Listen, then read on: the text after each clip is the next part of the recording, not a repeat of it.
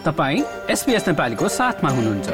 अरू रोचक सामग्रीहरूका लागि SBS dot com dot slash Nepali जानुहोस्।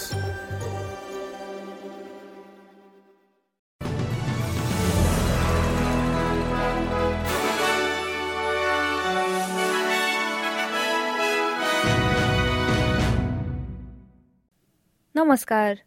आज मङ्गलबार छ फेब्रुअरी सन् दुई हजार चौबिस। अब पालो भएको छ एसबीएस नेपालीमा। आजका प्रमुख अस्ट्रेलियन समाचारहरू सुन्ने। प्रसङ्ग सुरु गरौं कर कटौतीबाट।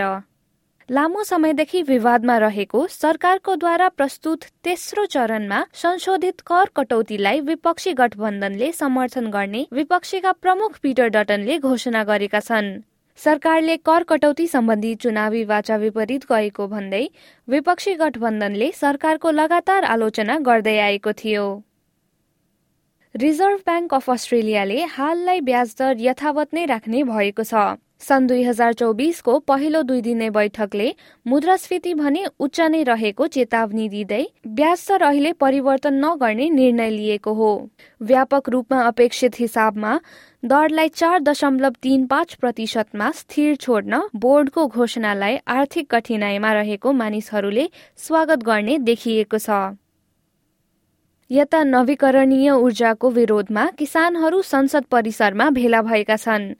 सन् दुई हजार चौबिसको पहिलो संसद सत्रको दिनमै the national rational energy network एनआरइएनले विरोध र्याली आयोजना गरेको हो।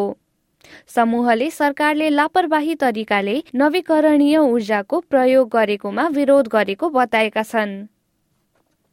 अब अन्तर्राष्ट्रिय समाचार। अमेरिकाको लस एन्जल्समा आधीसँगै भारी वर्षा भएपछि बासिन्दाहरूलाई सतर्क रहन सूचना जारी गरिएको छ। लस एन्जल्स वरिपरिको क्षेत्रमा करिब आठ लाख तीस हजार मानिसहरू विद्युत सेवाविहीन रहेका छन्।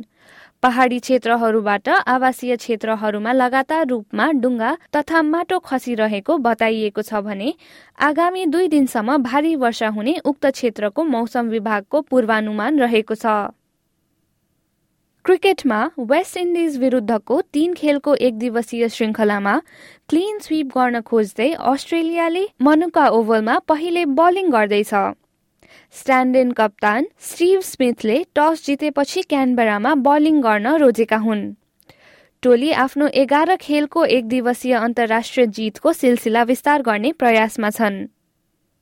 हस्त एसबीएस नेपालीबाट आजका प्रमुख समाचार यति नै। सुरक्षित रहनुहोस् नमस्ते।